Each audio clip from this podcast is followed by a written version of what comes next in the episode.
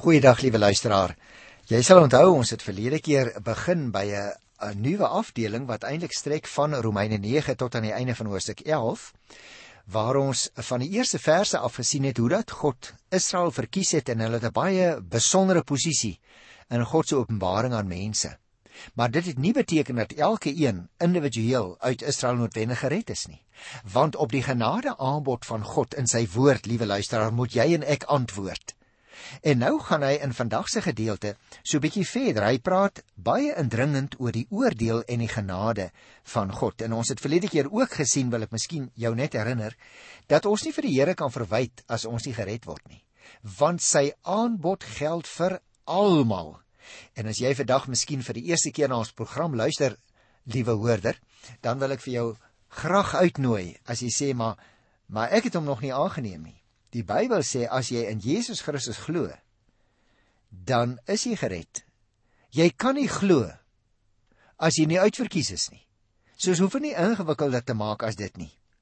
Dus na die dinge wat Paulus gesê het tot en met vers 18 hier in Romeine 9, sou iemand miskien kon redeneer dat God nie die skuld aan ons moet gee as hy self alles wat gebeur beskik het nie. Ek hoor mense dit dikwels sê. Met die sprekende beeld byvoorbeeld van 'n pottebakker wat in die volgende verse wat ek vandag gaan behandel, 'n voorstelling is van God en sy klei, dit is nou jy en ek, wys die apostel Paulus dat dit die opperste vermetelheid van 'n mens is om God te verwyd. As jy of ek, liewe luisteraar, as persoon sy genade aanbod verwerp.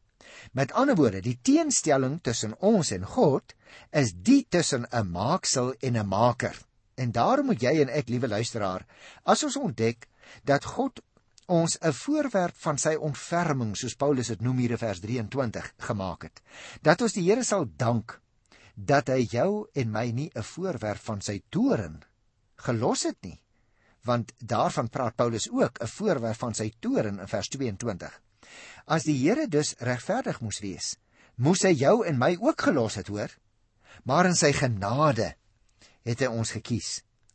Die enigste, mag ek dit in aanhaling sê, fout wat God gemaak het, was om Jesus Christus in ons plek aan die kruis te spyker. En hieroor loof ons hom, liewe luisteraar, al is dit 'n verskriklike verhaal, was dit nodig om vir jou en vir my tot redding te bring. En daarom wil ek sê, ag, dit was nie 'n fout wat die Here gemaak het nie. As dit nie is vir die sterwe van sy seun aan die kruis nie, dan was jy en ek vandag nog verlore. En luisteraar, as jy iewers 'n radio sit of jy luister na hierdie program op 'n manier op 'n siekbed dalk selfs en jy sê maar maar is die aanbod ook vir my bedoel? Dan wil ek vir jou met die gesag van die hemel op grond van die Here se woord sê, Christus, liewe luisteraar, het vir jou gesterwe en hy het vir my gesterwe. Aanvaar die aanbod. Erken jou sonde. Neem hom aan as jou saligmaker en volgens die woord van die Here het jy onteenseglik dan die ewige lewe. Kom ons kyk hoe brei die apostel dit uit wanneer hy dit nou verduidelik. Hier by vers 19 in Romeine 9. Nou sal jy vir my sê, skryf die apostel, maar waarom verwyd die Here ons dan nog? Wie kan tog teen sy wil ingaan? Nou nog steeds luisteraars is Paulus se gesprekstrand wat ons hier lees. En dit bring hom dan by wyse van twee nou samehangende vrae. En hy noem dus sy eerste verdere beswaar wat mense sou kon noem. Hy sê daar is mense wat sê. Met ander woorde, ek het 'n vorige keer al vir jou gesê Paulus tree soms as dit ware met iemand in gesprek, 'n denkbeeldige persoon iemand wat voor hom op die stoel sit. En daardie persoon sou nou vir hom uh, byvoorbeeld kon vra, "Maar waarom verwyd God ons dan nog?" Wie kan tog teen sy wil ingaan? Nou sê nou iemand sou die vraag vra. Met ander woorde die Here verwyd. En nou gaan Paulus daarop reageer. Want jy sien die implikasie hiervan sou wees dat God geen reg het om mense te straf vir dit waarvan hy self die oorsaak is nie. En ek hoor dikwels mense dit sê in die omgang. Nou luister hoe reageer die apostel nou hier in vers 20 tot 23. Hy sê mens en ek ek gaan nou 'n hele stukkie lees dat ons die verband kan raak sien. Mens Wie is jy per slot van rekening dat jy met God wil redeneer? Hoe kan die maaksel vir sy maker sê: "Waarom het jy my so gemaak?" Het die pottebakker nie die reg om uit dieselfde klomp klei iets besonders en iets alledaags te maak nie? En as God dieselfde wou doen, hy wou sy toren laat sien en sy mag bekend maak. Daarom het hy die voorwerpe van sy toren, die mense wat reg was om verdelg te word met groot geduld verdra. So sou hy ook die rykdom van sy heerlikheid bekend maak oor die voorwerpe van sy ontferming. Die mense wat hy van tevore voorberei het om aan sy heerlikheid deel te hê. Nou luisteraar, ek dink ons moet hieroor 'n bietjie met mekaar gesels. Want het jy nou opgemerk Paulus se antwoord bestaan eintlik uit 4 teenvrae. Met die aanspreekvorm mens in die eerste teenvraag herinner hy die beswaarmaker vooraf alreeds aan sy menslike nietigheid en beperktheid. Daar in vers 20a. Wie is hy, klein ou mensie, per slot van rekening dat hy sommer homself aanmatig om met God te wil redeneer, deur God te wil probeer teenspreek? Die ander twee vrae, nommer 2 en nommer 3 wat ons hier kry in vers 20b en ook in vers 21, sluit baie nou by mekaar aan en baie interessant.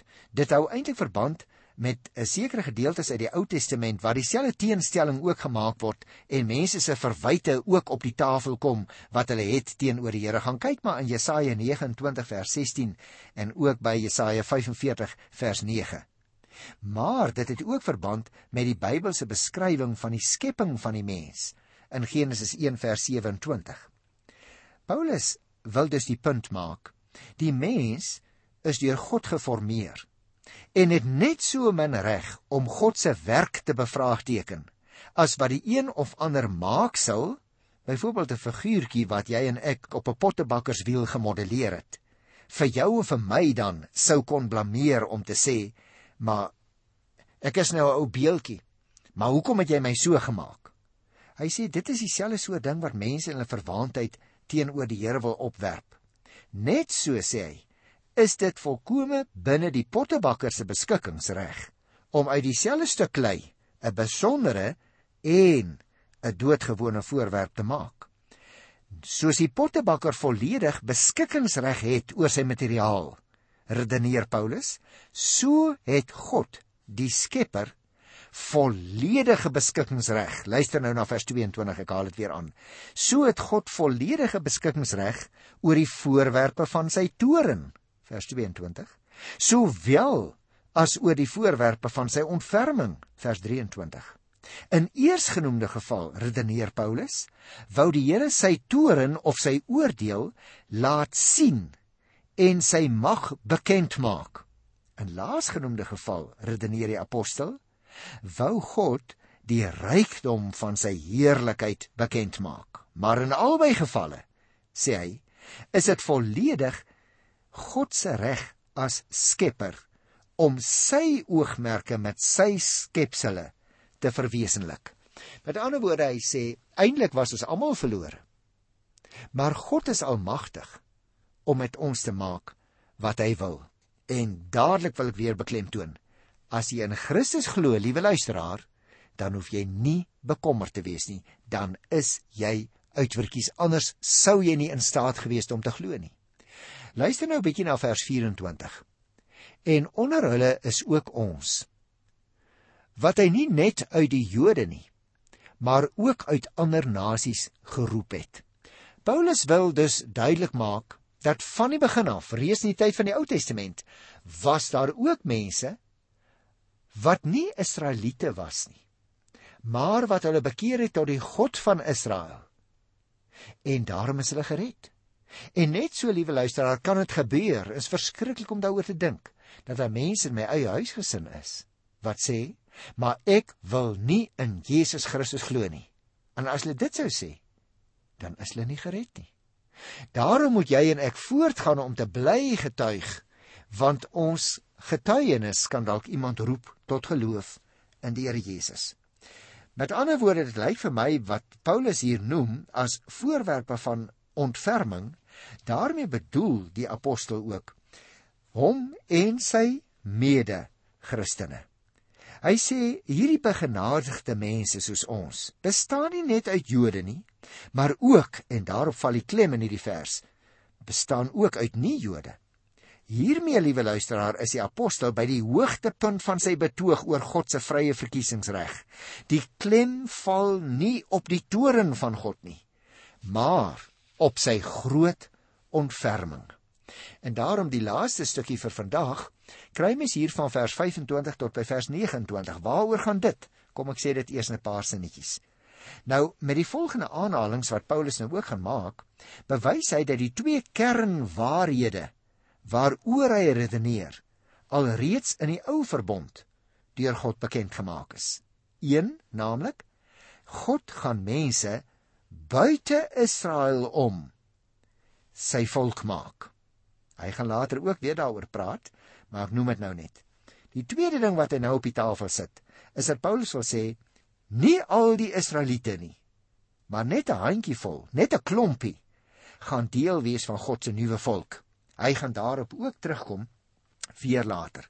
Nou kom ons gesels oor eers hieroor want ek dink dit is vir ons baie belangrik. Ek lees vers 25 en vers 26 hier by Romeine die 9de hoofstuk.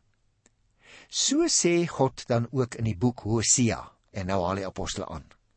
Hulle wat nie my volk is nie, sal ek roep om my volk te wees. En haar wat geen liefde ontvang het nie, om my geliefde te wees. En in plaas daarvan dat hulle gesê is, julle is nie my volk nie, sal hulle geroep word om kinders van die lewende God te wees.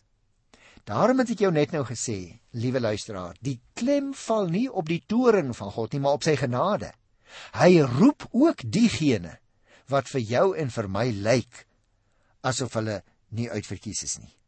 En dit is belangrik om die insluiting van die ander nasies, soos Paulus hier noem, maar dan gaan dit oor individue. Dit gaan nie oor die insluiting van 'n hele volk as God se kinders nie.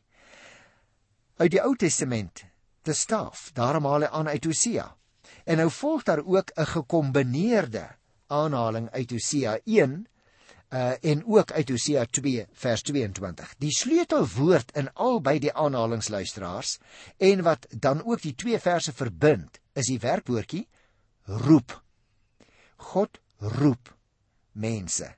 Jy sien, wanneer God hulle wat nie sy volk is nie, roep om sy volk te wees, word hulle inderdaad ook deel van sy volk. Dit gaan dus nie oor nasionaliteit of oor afstamming nie, liewe luisteraar. Dit gaan oor geloof van 'n individu in God. Die onderwerp van hierdie geroep word hier in vers 26 is natuurlik God self. Ons sou dus in vers 26b ook miskien anders kon vertaal en sê dan sal die lewende God vir hulle sê want dis waaroor dit hier gaan. Julle is my kinders. Jy sien luisteraar, in sy vrymag het God egter ook besluit dat die getal gereddenes in Israel ingrypend verminder word. Mense wat deel was van die Israelitiese volk in die Ou Testament, maar wat nie meer in God geglo het nie. Daarom was hulle nie uiteindelik lede van die nuwe volk nie. Daarom, in ander terme gesê, was hulle ook nie gered nie. Want hulle was deel van die groep, maar hulle het nie die Here se aanbod aanvaar nie. Net so is dit in ons tyd nog ewe waar. Almal kry die aanbod om in Christus te glo. Onthou Johannes 3 vers 16 van kindsbeen af ken ons dit mos. So lief het God die wêreld gehad dat hy sy enigste seun gegee het sodat elkeen wat in hom glo gered kan word. Jy sien as luisteraar, die Here gee sy seun vir die hele wêreld. Maar net die wat daarop antwoord, wat in hom glo, hulle word gered, nie die ander nie. Voordat hulle hom glo, is almal verlore, maar wanneer hulle in hom glo, dan word hulle gered. Ek wil dus afsluit met vers 27 tot 29 en dis net sulke belangrike verse en daarom gaan ek so bietjie meer indringend met jou daaroor gesels want ek het vir jou net nou gesê uh Paulus haal hier heelwat aan uit die Ou Testament En hier in vers 27 tot 29 het ons sommer 'n hele paar aanhalings weer en daarom wil ek daarby bietjie langer stil staan. Ek begin lees by vers 27 en ek gaan dit deurlees tot by 29 ter wille van die verband. En Jesaja roep van Israel dit uit. Al was die Israel so baie soos die sand van die see, net die handjievol wat oorbly sal gered word, want die Here gaan eens en vir altyd hier op aarde sy saak afhandel. So het Jesaja trouens al vroeër gesê, as die Here, die Almagtige, nie vir ons 'n klompie laat oorbly het nie, soos met Sodom, sou dit met ons gegaan het soos Gomorra. Sou ons uitgewis gewees het. Jy sien, hy sê in die Ou Testament het die Here nie anders te werk gegaan nie as in die Nuwe Testament. Weereens 'n interessante bewys, liewe broer en suster, dat die God van die Ou Testament presies dieselfde God is wat ons in die Nuwe Testament ontmoet. Mense sê soms ons het 'n ander God in die Ou Testament. Soms word selfs gesê God is wreed in die Ou Testament en liefdevol in die Nuwe Testament. En dit is natuurlik nie waar nie, liewe luisteraar. God is regverdig. Hy was regverdig in die Ou Testament. In die Nuwe Testament is hy nog steeds regverdig. In ons tyd bly hy nog steeds regverdig want hy kan nie aan sy eie wese ontrou word nie. En wat beteken dit? Dit beteken sy aanbod geld vir alle mense. Maar nie alle mense aanvaar sy aanbod nie. Dit is die punt, lyk dit vir my, wat die apostel hier in vers 25 tot 29 maak om vir ons te sê dit was so in die tyd van die Ou Testament. En so is dit ook in die tyd van die Nuwe Testament waarin Paulus lewe. Almal hoor die boodskap, maar die wat hoor, besluit nie almal positief oor daardie boodskap nie. Dit gaan dus hier om ook vir jou en vir my getrou te maak in ons getuienis.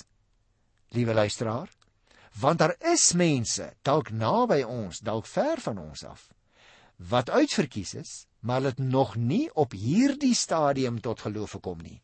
En daarin wil die Here ook soms ons getuienis gebruik. As 'n mens dus mooi na vers 27 tot 29 kyk, dan is dit baie duidelik. In hierdie verband maak Paulus hoofsaaklik van twee Jesaja aanhalings gebruik. Die ene, ek het daarna verwys, maar kom ek gee nou vir jou die aanhalings. Die een aanhaling kom uit Jesaja 10 vers 22 en 23 en die ander ene kom uit Jesaja 1 vers 9. Nou die eerste aanhaling beklemtoon juis hierdie ingrypende wat kan ek noem reduksie, die minder maak, die groepie kleiner maak waarmee die Here besig is in die wêreld. Hy sê pertinent hier in vers 29. Dis net die handjie vol wat oorbly wat gered word. En dan die laaste aanhaling, daarmee beklemtoon Paulus dat hierdie klompie, soos hy hulle noem, wat oorbly, in werklikheid die gevolg van God se genade en van sy trou is. Jy sien, Israel het selfs dit nie verdien nie. Net so min as wat jy en ek dit verdien het om gered te word. Israel het in die Ou Testament verdien om soos Sodom en Gomorra verdelg te gewees het. Hier aan die einde van die geweldige stuk betoog oor God se vrymag in verkiesing en verwerping, blyk dit nou dat Paulus sê dat die mens tog nie bloot passief betrokke kan bly nie, maar 'n groot persoonlike verantwoordelikheid het, net soos wat jy en ek ook 'n groot persoonlike skuld het. Israel verdien eintlik alle mense is Paulus se eintlike betoog verdien om uitgedelg te word net soos die sondige Sodom en Gomorra ook verdien het om verdelg te word. Nou luisteraar die rede waarom Paulus in hierdie deel nie meer van die mens se verantwoordelikheid wil maak asof die mense verantwoordelikheid die grootste en die belangrikste is tot redding nie. Die rede lê dus geensins daarin dat God die mens as 'n willose robot in sy hand sien nie, maar daarin dat die mens die aandag op God se volmag moet plaas, op God se beskikkingsreg, op die Here as die skepper. Dit is waarop ons moet fokus, liewe luisteraar, nie op sy oordeel nie. Nie op jou en my belangrikheid nie. Nee, die fokus val op die Here se genade. Daarom wanneer die apostel en daarmee wil ek uh, afsluit vandag, wanneer die apostel dus uit Jesaja aanhaal, dan wil hy daarmee bewys dat nie almal Israel is wat uit Israel is nie. En met hierdie aanhalinge, liewe luisteraar, moet ons oplet, is daar sprake van die oorblyfsel en die nageslag wat uit die groot totaal van alle mense wat voortgekom het uit Abraham gered sal word. Ons is almal die vleeslike nakommelinge van Abraham. Aan ons almal as sy nageslag word die aanbod om in Christus te glo gemaak.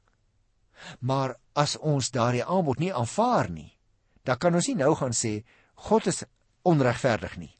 Jy sien, net die kleinste gedeelte van die wat uit Abraham gebore is, sal uiteindelik in die Ou Testamentiese tyd terugkeer uit ballingskap. God sal immers 'n saak volbring, skryf Paulus. Dit is God sal 'n bepaalde handeling uitvoer sonder verdere uitstel. En hierdie handeling sal wees, liewe luisteraar, dat hy die grootste deel van Israel sal laat ondergaan. Daar deur sy oordeel en die mense word dan weggevoer na Babel. Dit sal geskied so sê uh Paulus in geregtigheid, né? Hoekom? Want daai mense wat veronderstel was om die Here te dien, wat sy wet gehaat het, wat die Ou Testament gehaat het op daardie stadium, hulle het God uiteindelik verlaat. Hoe kan 'n mens dan as jy van die aangesig van die Here af wegstap nadat jy die aanbod gehoor het, verwag hy moet jou nog steeds red. Jy sien die sonde van Israel het uiteindelik die oordeel oor hulle afgeroep want hulle het die boodskap gehoor hulle is geroep om die Here te dien om in hom te glo om hom te volg om te doen wat hy sê. En toe sê hulle maar dit gaan ons nie doen nie. Ons gaan nie gehoorsaam wees aan die Here nie. Ons gaan radikaal teen wat hy sê in opstand kom. Ons gaan hom nie dien nie. Ons gaan afgode dien. En nou betoog Paulus dan verdien hulle mos dat die Here hulle in ballingskap laat wegvoer het. Daarom is die meeste uit in die oordeel gekom en dit is net 'n klein handjievol in ander gedeeltes tussen hakies in die boek Jesaja praat die apostel van 'n klein loot wat weer gaan ontspring uit die stam wat oorgebly het. Ek dink die 29ste vers hier in Romeine 9 laat ook vir ons sien dat die vleeslike nageslagte van Abraham so goddeloos is dat hulle lot gelyk behoort te wees aan die van Sodom en Gomorra. En tog, en dis die wonderlike sterk positiewe gedeelte in die teks, tog red God nogtans uit vrye guns uit hierdie goddelose geslag die oorblyfsel soos Paulus dit noem of die nageslag noem hy dit ook 'n tweede keer. Jy sien, deur hierdie aanhalings laat die apostel ons dus sien dat niemand hom op vleeslike afstamming voor God kan beroep nie. Ek het jou vorige keer ook al gesê. Ek kan nie gered word. Ek kan nie 'n Christen word omdat my voorouers gered was of Christen was nie. Ek moet 'n persoonlike keuse maak. Kunskap van God word nie oorgedra op my kinders soos 'n uh, titel wat 'n mens skryf van die koningin van Engeland byvoorbeeld nie. Ons moet leer, liewe luisteraar, dat die verlossing van die oorblyfsel uit Israel alleen genade was, sodat niemand daarop aanspraak kon maak nie. Net so is die oorblyfsel die kerngroep, die mense wat antwoord uit die biljoene mense in die wêreld Hulle word steeds uit genade gered. Maar nie omdat hulle goed is nie. Omdat God se aanbod vir almal aangebied word. Maar net hierdie groep het dit aanvaar. Dat God se redding van hierdie wat Paulus noem 'n oorblyfsel alles verband hou sê hy met die Here se belofte met die Here se woord aan Abraham alle gronde luisteraars vir vleeslike roem vir afstamming, vir nasionaliteit, vir geleerdheid is daarmee heen. Jy word gered as jy die genade aanbod van die Here in kinderlike geloof aanvaar. Dit geld ook vir jou en uit genade ook vir my, liewe luisteraar. Mag ek jou vra, wat is jou antwoord? Ek groet jou tot volgende keer in die naam van die Here. Totsiens.